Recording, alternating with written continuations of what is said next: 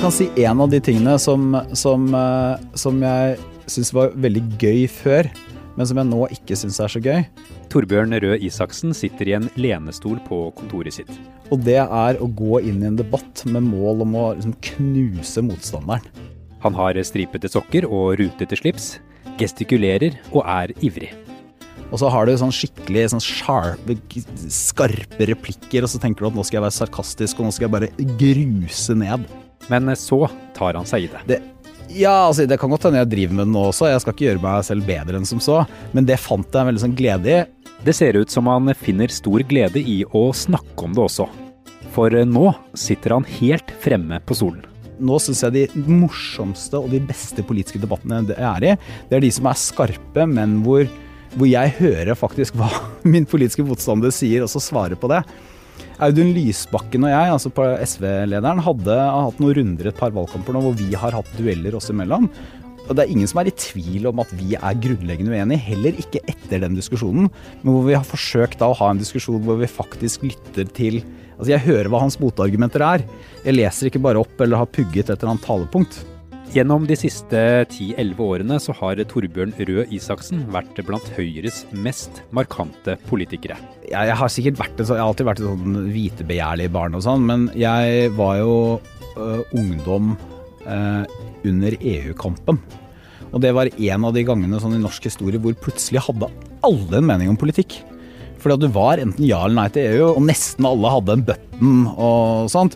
Så da var det veldig lett å bli engasjert i politikk. Nå er det snart slutt. Litt fordi Isaksen vil gjøre noe annet, og litt fordi han mener norsk politikk er blitt mørkere de siste årene. Torbjørn Røe Isaksen blir beskrevet som en blå kronprins i norsk politikk. Han var innvalgt på Stortinget fra 2009 til 2017, og har vært statsråd i alle Erna Solberg sine regjeringer siden 2013. I dag er han arbeids- og sosialminister, enn så lenge. I denne episoden møter Andreas Bakkefoss Torbjørn Røe Isaksen, som forteller om hvordan norsk politikk har endra seg, og hvorfor han ønsker å forlate den. Kontoret er stort. Langs en vindusrekke så står det et stort møtebord, og en bokhylle leder inn til sofagruppen der vi sitter. Bak oss står skrivebordet, og bak der igjen så har han hengt opp flere karikaturtegninger av seg selv, og Vi har sittet og sett på de fine Ja, bildene av deg og Kåre Willoch. Hvorfor har du så mange bilder av Kåre Willoch? Fordi det har blitt tatt så mange bilder av meg og Kåre Willoch, egentlig. Det er jo bare Det er jo halvparten. Ja, det er faktisk kanskje halvparten. Du er stor fan. Torbjørn og Kåre spiser kake. Torbjørn og Kåre sitter i en sofa. Torbjørn og Kåre smiler til kamera. Kåre Willoch sniker seg inn på alle bilder. Det er sånn uh, karakteregenskap han har. Du, på det gamle bildet der, det er, det er uh, Lars Roar Langslett. Tidligere kulturminister og redaktør i Minerva. Og CJ Hambro. Stortingspresident kjent fra Mest kjent selvfølgelig fra Elverumsfullmakten og krigen og sånn, på et møte da i Studentersamfunnet en gang på ja, 50-tallet en gang, tenker jeg. Er det bildet som bare henger deg alltid, eller er det du som har tatt det med? Nei, det er det jeg som har tatt med. Og så har jeg på pulten her, som ikke henger, da, men det er et portrett av Edmund Burke. Hvorfor akkurat de her folka? Ja, dette er jo sånn store, store konservative politikere, da. I nyere norsk historie. Så litt til inspirasjon og litt for å være ydmyk. Burke, Willoch, Langslett og Hambro. Alle tungvektere i politikkens verden. Og det er klart at å jobbe med deres øyne rettet mot seg gir et grunnleggende ønske om å skape endring. Isaksen har trolig brukt flere timer av livet sitt til å diskutere ideologi enn mange andre. Og jeg oppfatter han som opptatt av en bredere horisont, og at politikk for han er et stort prosjekt, mer enn enkeltsaker. Men ideologi kan ikke alltid være den førende kraften. I et intervju med tidsskriftet Minerva kommer Isaksen med en ganske målstemt beskrivelse av de siste årene i norsk politikk. Nemlig at den er blitt mørkere. Nei, det er, det er, rett og slett at uh, det har vært ekstremt mange saker siden 2017 som, uh, som, som ikke handler om politikk-politikk. Uh, og, og det, er, det, er, veldig viktig for meg å understreke det at det er ikke for at jeg mener at det er feil at disse sakene har kommet fram. På ingen som helst måte. Altså Dette har vært viktige saker. Det har vært store avsløringer. og det er f.eks. metoo, som var en øyeåpner, tror jeg, for i hvert fall var det det for meg, og for veldig mange andre også. Og som satte egentlig ny standard, snudde om på måten vi tenker på. Eh, det har vært reiseregningssaken på Stortinget. Eh, det har vært eh, en rekke andre saker som man kanskje nå har glemt. Altså, det har vært diskusjon og uro og bråk i flere partier. Det har vært Per Sandberg og hans mobiltelefon. Det har vært justisministeren og hans samboer. Eh, og alle de sakene tror jeg bare for oss som holder på med politikk, har gjort at uh, ja, det, det, det, Selv om man ikke er direkte involvert i dem selv, så suger det jo litt eh, oppmerksomhet og krefter fra andre ting som er de egentlige grunnene til at man har lyst til å holde på med politikk. Så jeg tror veldig mange politikere nå, kanskje særlig en del som er unge eller unge middelaldrende, som jeg er, føler at norsk politikk har vært, har vært, litt vanskelig de siste fire årene. Og at også at vi som politikere må gjøre en jobb nå for å, for å gjenoppbygge tilliten, rett og slett. Det er akkurat som oppmerksomheten er forskjøvet. Det handler mer om enkeltpolitikere sine handlinger enn om de store utfordringene i samfunnet. Politikk handler jo ikke om å, altså det handler jo ikke om å sitte på Stortinget og fylle ut reiseregninger. Eh, selv om du skal gjøre det riktig, og det er grovt hvis man ikke gjør det. Det handler om skole og utdanning og klima og arbeidsplasser. Um, så, så Og så er det jo en annen større diskusjon også. Det er jo Vi lever i en tid hvor det er det er mye, ikke bare politikerforakt, men denne spenningen eller motsetningen elite-folk, den er veldig tydelig i veldig mange land. Eh, og, og, det er klart at hvordan vi politikere oppfører oss, men også hvordan vi blir sett på, har mye å si for om vi har tillit til de som sitter i styrende posisjoner i Norge. Og det er ikke noe tvil om at, tror jeg i hvert fall, at norsk politikk har ikke kommet godt ut av årene siden 2017. De siste årene har tatt på. Bl.a. fikk Høyre en alvorlig sak da metoo-avsløringer kom frem i norsk politikk vinteren i 2018. Aftenposten brakte opplysninger om at daværende sentralstyremedlem i Unge Høyre, Christian Tonning Riise, hadde seksuell omgang med en 16 år gammel svært beruset jente på et fylkesårsmøte i 2014. Saken ble varslet umiddelbart, uten at det fikk noen konsekvenser. Tre måneder senere, i juni 2014, ble han valgt til leder i Unge Høyre. Tonning Riise trakk seg som leder da saken ble kjent. Jeg sitter i partiledelsen i Høyre. Og Høyre har også hatt metoo-saker. Eh, flere med høy profil også. Eh, og ved siden av alle de sakene med høy profil, så har jo dette vært en stor prosess internt i partiet også, hvor vi har måttet har satt opp uh, nye retningslinjer. Vi har måttet hele tiden diskutere klarer vi å håndtere Eh, og passe på de som varsler på en god nok måte. Eh, pluss at jeg, jeg, ble litt bekymra, husker jeg. Det var kanskje litt mer i kjølvannet av metoo-sakene. Så var jeg på et medlemsmøte i Telemark Unge Høyre. Hvor en del av de da Dette er et 17-18-19-åring, kunne like godt vært AUF eller SU eller noe sånt, som har engasjert seg i politikk av forskjellige grunner.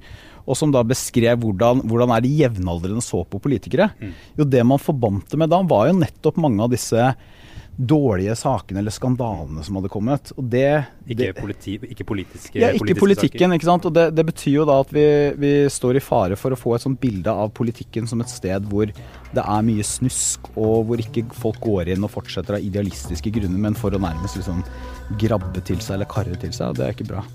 Selv om det å trekke seg tilbake handler om hvordan politikken er blitt, så har også Isaksen endret seg.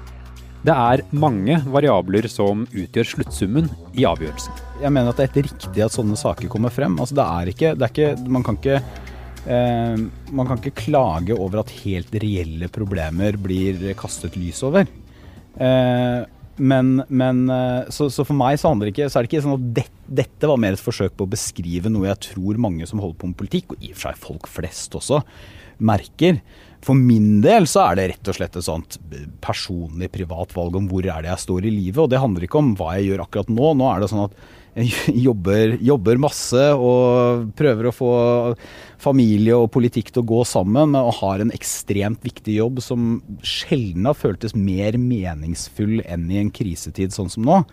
Men det er en, sånn i mitt hode så blir det da en diskusjon om kan jeg, jeg det i meg å forplikte meg til dette i fire år til også. Det har jeg da funnet ut at det, det har jeg ikke. Hva skal det stå på gravsteinen din? Dette spørsmålet fikk Isaksen av Aftenposten for fire år siden. Og til svar så fikk vi Her ligger Rød. Nå er han død. Et svar som også sier mye om han selv. For Isaksen oppleves uhøytidelig. Han går inn i samtalen med både humor og selvironi, noe som også gjenspeiles i hans liv på sosiale medier. Det tulles med regjeringen, med livet som politiker, eget utseende, mediene og papparollen. Og så er det jo et alvor i bunnen her. For han vil jo nå ut med politikken og sakene han brenner for. Hvordan er det å kjempe for politisk ideologi i sosiale mediers 2020? Vet du hva, på, én måte så er det lettere enn tidligere, eh, tror jeg. Og det er fordi at Dette er jo en av de fine tingene med sosiale medier og den offentligheten vi har det er at eh, hvis du har øh, legger ut en eller annen obskur artikkel om et eller annet, eller et eller annet som er litt mer ideologisk, så er det øh, Hvis du bare hvis du skriver et leserinnlegg, så vet du ikke hvor mange som altså Det er lettere å samle folk, da. Det er lettere å synliggjøre ting. Så, så, på den måten så tror jeg ikke norsk politikk heller er blitt Eller jeg tror ikke folk er mindre interessert i ideene bak og verdiene bak enn før. Det tror jeg ikke. Jeg tror snarere tvert imot så tror jeg vi lever i en tid hvor hvor det å snakke om litt mer grunnleggende hvorfor mener jeg det, og hvorfor syns jeg det er riktig, snarere enn noe annet, det er noe som mange setter pris på. Så det er rom for det grunnleggende også i 2020? Ja, jeg, jeg, jeg mener det. Uh, at det absolutt er det. Uh, men så er det jo sånn at politikk kan jo ikke bare være ideologi. Det må jo også være praktiske problemstillinger og løsninger du skal finne, og hvordan akkurat den forskriften skal være og sånn. Um, så det må være begge deler, da. Utviklingen i sosiale medier kan ta og føles på. For eh, hver dag så er det nye ord, emneknagger og bruksmønstre å lære seg. Og brukerne de tilpasser seg disse endringene. Sosiale medier handler i stor grad om å ytre meninger. Så når et stort antall av Norges politikere er aktive i disse kanalene, så gjør det noe med tonen i det offentlige ordskiftet også. Det jeg er helt sikker på, det er at det ikke har endret uh, i på så sånn grunnleggende positiv, eller utelukkende positiv måte som jeg trodde for 15 år siden. Eh, jeg var en av de første politikerne i Norge som begynte å blogge. Og da, det, da skrev jeg sånn kronikker om hvordan dette kunne være veldig demokratiserende, og det senket terskelen mellom de som satt i en maktposisjon og folk flest og sånn. Og noe av det er riktig. Ikke sant? Fordi at det er, det er lavere terskel for å skrive en kommentar på Facebook, som jo eh, vi som er politikere sitter jo ofte og leser disse kommentarene. Det er ikke alltid jeg får lest alt, men mye av det. På den måten er det bra. Det som er problemet, og det er ikke bare for politikken, men det som er problemet ofte med tonen i sosiale medier, er at den er, den er så kort eh, aggressiv, slagordpreget, polariserende. Eh, og når det tar stadig større del av samfunnsdebatten, så blir veldig lett nyanser borte. Eh, det er et sånt sted hvor, hvor, du belønnes nærmest for å komme med de klareste, tydeligste statementene. Eh, og det er mye i politikken som handler om klare, tydelige eh, statements. Men det er jo ikke, eh, eller fra folk flest, men det er jo ikke nødvendigvis det som gjør at du får en god politisk kultur på sikt. Da vil jo at folk skal kunne være nyanserte, ha diskusjoner med innestemme. At det er mulig å kompromisse av og til om saker også. Så du tenker at det har endret debattkulturen noe i litt uh, verre retning, da? eller? Ja, på den delen av det. Altså, jeg tror dette er på godt og vondt. så Man kan ikke sitte og sukke og akke over at uh, utviklingen går. No, noe er bra, noe er dårlig. Så er det en annen side ved det også. Det er at en del politikere, det er ikke jeg blant de mest utsatte for, men får jo mye hets opp mot drapstrusler på sosiale medier. Og det er ikke tilfeldig hvem som rammes hardest av det. Isaksen selv har ikke hatt de verste opplevelsene. Han beskriver en runde med noen meldinger langt over grensen under debatten om endret fraværsgrense i videregående skole. Det som jeg syns er mye verre, det er at hvis du er, hvis du er politiker med, med, en annen hudfarge og kanskje en muslimsk bakgrunn, og du legger ut en sak om kommunereformen, eh, så tar det tre kommentarer før noen påpeker at du er et fremmedelement i Norge, ditt eget fødeland, eller at uh, din muslimske bakgrunn gjør sannsynligvis at du ikke er tilregnelig eller mulig å stole på i noen politiske saker. Du er ikke i nærheten av å skrive noe om det. Det handler ikke om innvandringspolitikk eller islams plass i Norge eller noe sånt. Det handler om helt vanlige spørsmål som du som politiker er engasjert i. Og det er et problem at den terskelen for hets eller hatefulle ytringer har, virker å ha blitt lavere med sosiale medier. Før var det snirklete brev. Det husker jeg da jeg startet i politikken.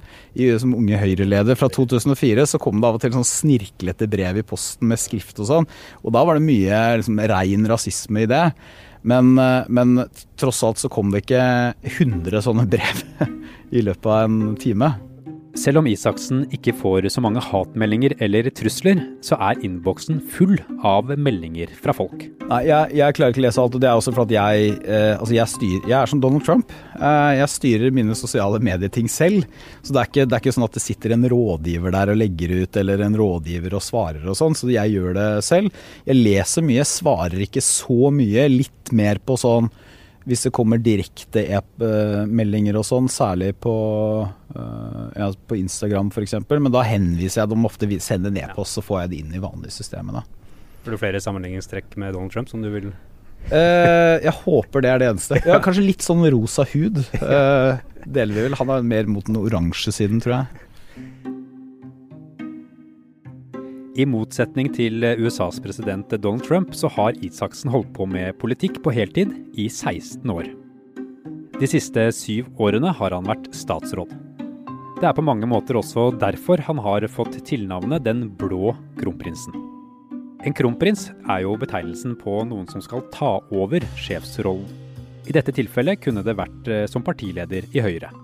Så da han for ikke mange uker siden sa i et intervju med Minerva at nok var nok, så skapte det naturligvis overskrifter. Men for Isaksen så var det en måte å senke skuldrene på. Det var vel en følelse at det var eh, fint å få sagt det. For det, dette er jo noe som i realiteten er en beslutning som er tatt for ganske lenge siden. Eh, og så er nok jeg, selv om jeg sitter her nå da tre uker etterpå eller noe sånt og snakker om det fortsatt, eh, så er nok jeg mest opptatt av å bare bli ferdig med det. Og det er litt fordi at dette er jo, det er jo halvannet år frem i tid. Nå har jeg en ekstremt viktig jobb i, midt i en krise for landet. Eh, og har egentlig ikke tid til å tenke noe særlig over hva jeg skal gjøre det, eh, liksom, i fremtiden. Nå handler det om å liksom, handler om alt det man leser med avisene hver dag. Nav og koronakrise og arbeidsledighet og permitteringer. Mm. Men du, du, ville få det ut, og det var deilig å få det ut? Ja, jeg ville få det, ville få, ja, ville få det ut. og det, var, det, det, er jo en grunn da, til at alle akkurat nå eh, forteller om hva de skal gjøre de neste fire årene. og Det er punkt én at man har en yrkesskade som politiker som gjør at man eh, ser på livet sitt i fireårsbolker. Men punkt to er det, det er i disse dager at alle nominasjonskomiteene enten spør, spør, om du skal ta gjenvalg, jeg sitter jo ikke på Stortinget nå, så det var ikke aktuelt for meg, men eller eh, får inn innspill fra alle lokalforeningene. Så jeg syns det var riktig å si fra før min egen lokalforening i Porsgrunn Høyre eventuelt da foreslo meg på lista, og så komme seinere og si at nei, det har jeg ikke tenkt allikevel. Det virka litt lurvete, rett og slett. Men Kan du huske den første gangen du tenkte at du kanskje ikke skulle være heltidspolitiker for resten av livet? eller Når var det? Vet du hva, Det har jeg tenkt på jevnlig eh, hele veien. Og sånn, sånn tror jeg, nei, sånn tror jeg det er for veldig mange i politikken. At hver gang det kommer eh, en ny stortingsnominasjon, hvis man har kommet så langt eh, i, opp, så tenker man ok, er, nå må jeg gjøre opp status, eh, gjøre opp regnskap nå. Er det, dette på, er det dette jeg vil holde på med i fire år til? Har jeg det i meg å stå på, eller jeg, burde jeg benytte anledningen til å si at nå skal jeg gjøre noe annet? Mens han har vært statsråd, så har han fått tre barn. Alle som har eller har hatt tre barn i alderen fem år og nedover, vet hva det vil si å være sliten og lei. Selv uten at de samtidig har styrt et departement. Altså, alle, alle, mennesker, også jeg, har jo sånn det, det er ikke, Man er ikke 100% motivert hver eneste dag, hvert eneste minutt, hver eneste time. Wow. Vi hadde en ni og en halv times regjeringskonferanse forrige uke. Det var ikke hvert sekund av det jeg tenkte sånn Nå er motivasjonen helt på topp. Men i sum så var det veldig viktig og givende å være der, da. Men eh, nei, jeg tror det handler mer om at de det du gjør som politiker, er at du går, til, du går til velgerne og så ber du om tillit til å forvalte makt i samfunnet. Og da har velgerne et legitimt krav på at du gjør ditt ytterste for å bruke den posisjonen. Så, så, og hvis du ikke har det i deg, hvis du tenker at jeg, jeg vet ikke om jeg, jeg, skal gå og be folk om å stemme på meg og sende meg til Oslo og Stortinget med relativt høy lønn, men jeg er ikke helt sikker på om jeg kommer til å kunne stå på 100 sånn nesten alle tilfeller, så burde du finne deg noe annet å gjøre. Isaksen har selv vært leder av Unge Høyre.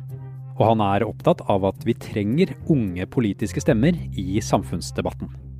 Men verden var nok noe litt annet da han tok steget opp til storpolitikken. For som Isaksen selv sa i stad, så har sosiale medier endret vår debattkultur. På godt, men også på vondt. Hvordan vil den neste generasjonen politikere, som har vokst opp med sosiale medier, takle denne debattkulturen og den mørkere retningen Isaksen beskriver? Det er noen sosiale koder der som veldig lett blir forstått som en, en tilbakemelding på hvem du er som person, og hvor populær du er, og hvor mange som liker deg og sånn, som, som, gjør at jeg tror det er riktig at er, du er mer gjennomsiktig som tenåring og ung i dag, og det gjelder også som ung politiker.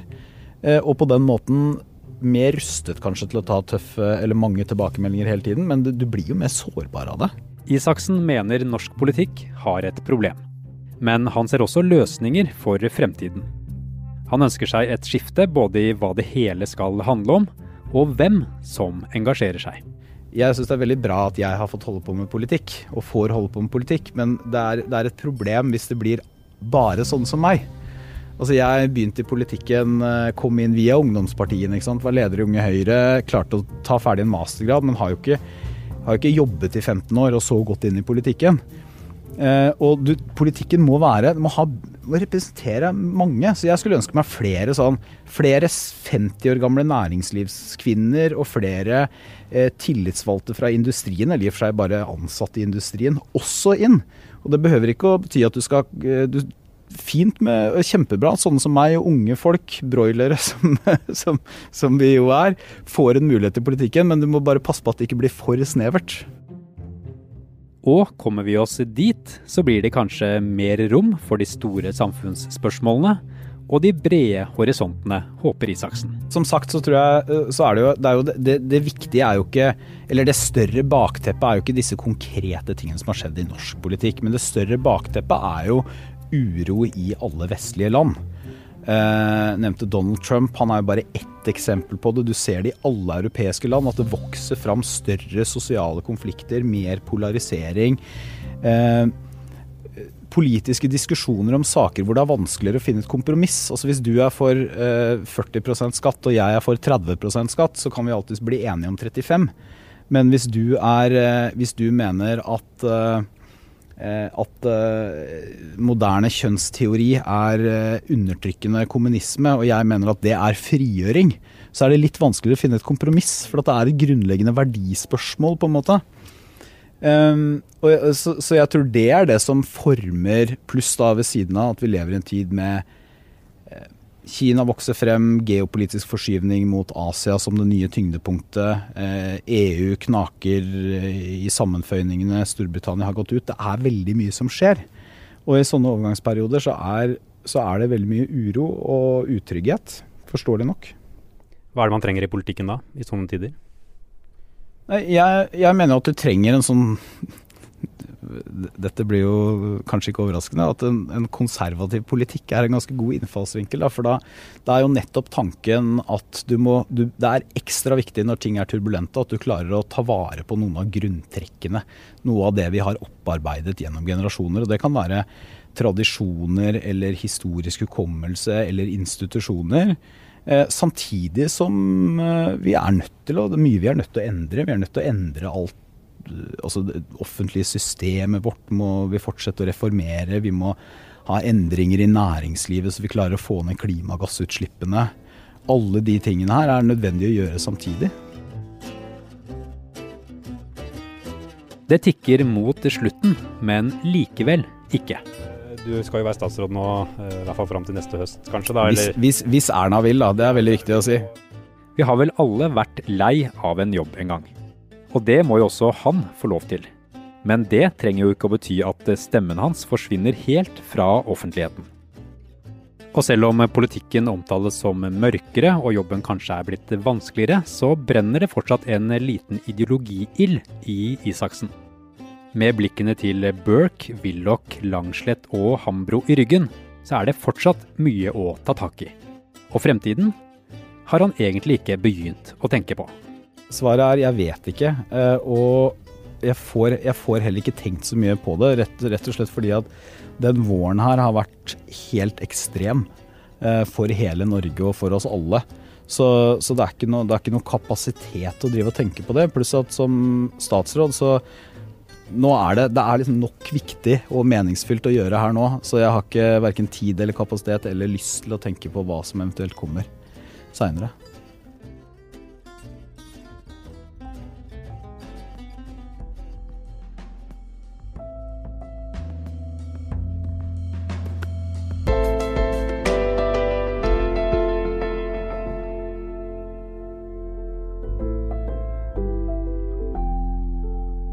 Forklart lages av Caroline Fossland, Anne Lindholm, Fride Næss Nonstad, Marit Eriksdatter Gjelland og meg, Andreas Bakke Foss.